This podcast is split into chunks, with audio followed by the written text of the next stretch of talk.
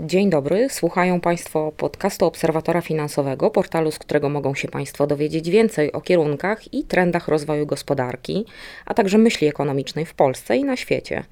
Można nas czytać na stronie obserwatorfinansowy.pl. Ja się nazywam Katarzyna Mokrzycka, a moim gościem jest dzisiaj pan Filip Kowalik, dziennikarz, społecznik i autor raportu o budżetach obywatelskich przygotowanego przez Stowarzyszenie Miasto 2077. Witam pana. Dzień dobry. Proszę na początek przypomnieć, czym jest budżet obywatelski, bo wiem, że jesteśmy w tej chwili na etapie ustalania budżetów, e, które dziś są prognozowane, planowane, zapisywane w budżetach samorządów, a będą realizowane w y, przyszłym roku. E, budżet obywatelski to jest taki pomysł e, miasta na to, aby zwiększyć tak zwaną partycypację społeczną, czyli zwiększyć udział mieszkańców w w tym, żeby wspólnie w jakiś sposób kształtować miasto, no najlepszym zawsze i najbardziej wymiernym sposobem jest wydawanie pieniędzy na inwestycje, więc budżet obywatelski na tym polega, czyli część naszego budżetu, który mamy na inwestycje w mieście, e, decyzje na temat tego, jak go rozdysponujemy, przekazujemy mieszkańcom. No i taka jest główna, główna zasada funkcjonowania budżetu obywatelskiego. Jak umożliwienie mieszkańcom decydowania o tym, jak y, zostaje wydana część środków y, ich mm, małej ojczyzny, lokalnej społeczności, wpływa na poprawę jakości życia w y, takim miejscu, w takim mieście, w gminie, czasem także na wsi?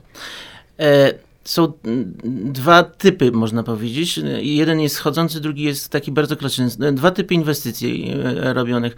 W budżecie obywatelskim na początku szczególnie było dużo takich inwestycji remontowych, czyli mieszkańcy zauważali, że gdzieś jest e, popsuty chodnik czy coś innego i, i to było realizowane z budżetu obywatelskiego. To jednak nie chodziło, tak na, koniec, na koniec nie chodziło w, w tym całym założeniu, żeby tego typu inwestycje były robione, tylko bardziej rozwojowe, więc e, Głównie są to jednak inwestycje związane z tym, żebyśmy stworzyli lepszą przestrzeń wokół siebie. Dzisiaj tak na dobrą sprawę najwięcej inwestycji, e, bo one są kategoryzowane według różnych, e, według różnych e, obszarów działania. Największej, co charakterystyczne jest inwestycji w przedsięwzięcia związane z zielenią. I to jest taki i, i rekreacją w gruncie rzeczy, więc to są, widać jak, co ludzie potrzebują w mieście, czego więcej potrzebują w mieście. Czyli małe parki na przykład Małe miejskie. parki, małe parki różne. No, na przykład każdy każde miasto ma swoją właściwie specyfikę. E, e, w Warszawie to są, Warszawa zaczęła z tężniami bardzo ciekawy projekt. Wcześniej Łódź jest znana z tego, że stworzyła wonerfy, czyli takie, zaczęło przekształcać ulice w takie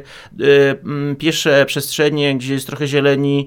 To wynikało z tego, że Łódź jest miastem, gdzie nie ma praktycznie placów, więc tak, taka, takie przekształcenie w przestrzeń bardziej zieloną i, i pieszą ulicy stało się bardzo ważne, a na przykład Wrocław to jest typowe, typowy miejsce, gdzie się organizuje parki na takich tak zwanych ugorach zielonych, czyli miejsca, gdzie jest zadrzewione, zakrzeczone i e, e, z budżetu mm, obywatele pozyskują pieniądze na to, żeby w jakiś sposób uporządkować ten teren, stworzyć alejki, ławki, oświetlenie i stworzyć sobie taki osiedlowy park.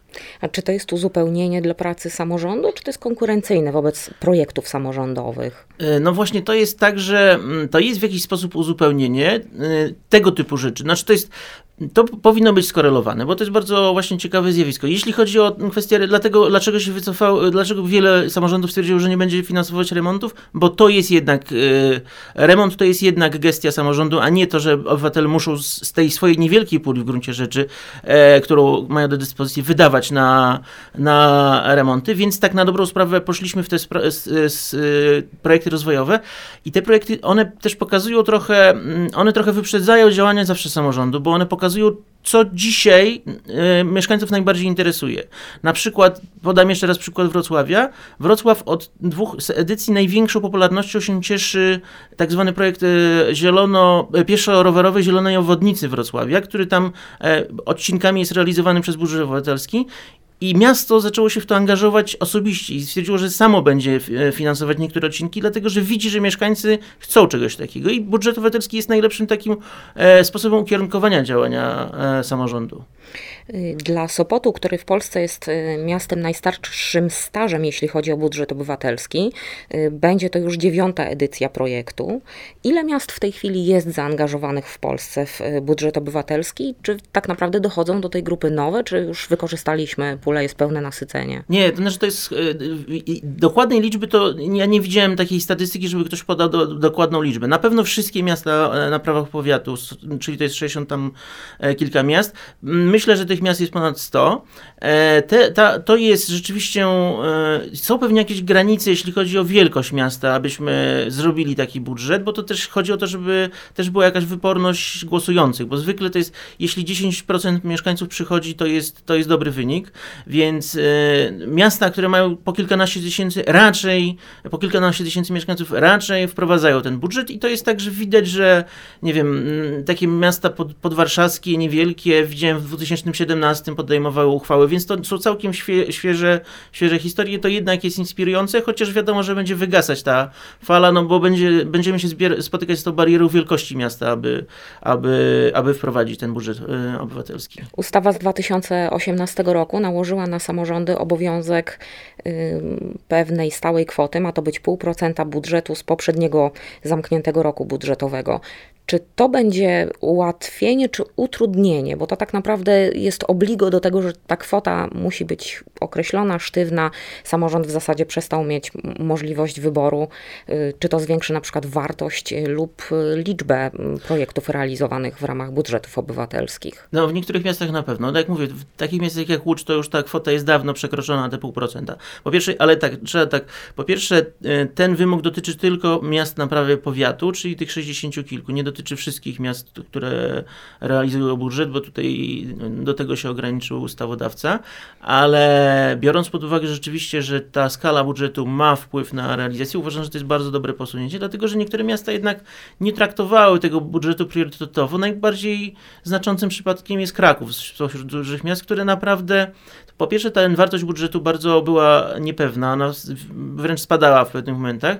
I jak dzisiaj się rozmawia z, z samorząd, ale nie z samorządem w sensie z radnymi, tylko z ludźmi, którzy odpowiadają za budżet, są bardzo szczęśliwi, w Krakowie są bardzo szczęśliwi, że weszła ta ustawa, bo mają poczucie, że z, z 12 milionów, z tego co pamiętam, e, wartości tego budżetu, on wskoczy praktycznie do 30, bo taka jest mniej więcej skala budżetu krakowskiego, mają poczucie, że wreszcie, wreszcie dostaną takiego, e, taki bodziec rozwojowy dlatego i może się wreszcie poprawi, bo fra, e, frekwencyjnie Kraków spośród dużych miast jest najsłabszy, jeśli chodzi o, o, o budżet e, obywatelski. Czyli wartość pojedynczych projektów też wzrośnie i to, będzie to, to przełożenie. To nie ma, właśnie, bo to jest e, ciekawe, że nie ma, mm, nie ma takiego bezpośredniego przełożenia, że wartość poszczególnych projektów, ilość tych projektów ma, e, powoduje, że więcej ludzi idzie, czy więcej, mniej ludzi idzie. To nie, to nie ma tak. Są w niektórych miastach, gdzie jest dobra frekwencja, robi się mało dużych projektów, a w innych się robi dużo małych projektów, więc nie ma, tutaj nie ma takiego, takiej prostej, prostego przełożenia. I ostatnie pytanie, czy to jest forma popularna także w Europie Zachodniej, w innych krajach na świecie? Tak, to, to jest w ogóle bardzo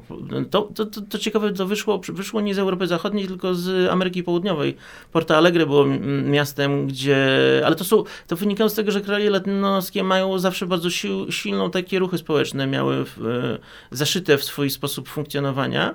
E, no i oni przekonali mia władze miasta do tego i później to się rozeszło po całym świecie i stało się takim bardzo istotnym elementem tego zwiększania właśnie partycypacji społecznej w zarządzaniu miasta. A czy kwoty w krajach zachodnich, jeśli chodzi o ten budżet, także są określane, czy miasta robią to do, na zasadzie Nie, miasta to robią, dowolności? generalnie jest tak, że miasta same to określają. Tu chodziło raczej, mi się wydaje, że jednak w Polsce chodziło o to, że miasta niektóre nie traktowały tego bardzo poważnie. Niektóre miasta traktowały, że musimy mieć budżet, i ale nie, nie traktowały poważnie, jeśli chodzi o, o jego wartość. A co pokazują zachodnie trendy? W którą stronę, wzorując się na tym, co nas wyprzedza o 2-3 lata, gdzie mm, będą polskie budżety za tych kilka lat? Jakie inwestycje będziemy realizować po tym, gdy już zbudujemy sobie park na każdym rogu i bardzo dobrze, to co dalej? Mi, mi się wydaje, że to jest tak, że mm, miasta generalnie, ta zieleń nie, będzie cały czas y, takim, takim bardzo silnym kierunkiem e, i to jest tak, że nie, tylko chodzi o coś takiego, żeby nie tylko e, inwestować w zieleń na zasadzie takiej, żebyśmy poprawiali przestrzeń, którą mamy, ale na przykład inwestować w zupełnie nowe projekty zielone. E, e, w polskie miasta na przykład bardzo w ogóle nie, nie, inwest- nie kupują gruntów, na których mogłyby tworzyć nowe parki. Coś, co jest właśnie bardzo charakterystyczne dla świata zachodniego. Czyli budżet obywatelski może je do tego teraz tak, skłonić. Tylko, że oczywiście budżet obywatelski ma pewne ograniczenia, ale jednak budżet obywatelski to jest tak, że etapuje się niektóre projekty, żeby podjąć pewien pierwszy krok i później na przykład miasto się wciąga do tego, żeby miasto z własnego budżetu dołożyło się do, też do tego projektu i to wszystko zależy od społeczników. Ja jestem przekonany, że rzeczywiście pójdziemy w coraz większe e, inwestycje zielone, rekreacyjne. Bardzo panu dziękuję za tę wypowiedź i za wizytę w naszym studiu. Moim gościem był Filip Kowalik, dziennikarz społecznik i autor raportu o budżetach obywatelskich. Bardzo, bardzo dziękuję i do usłyszenia wkrótce w następnym podcaście.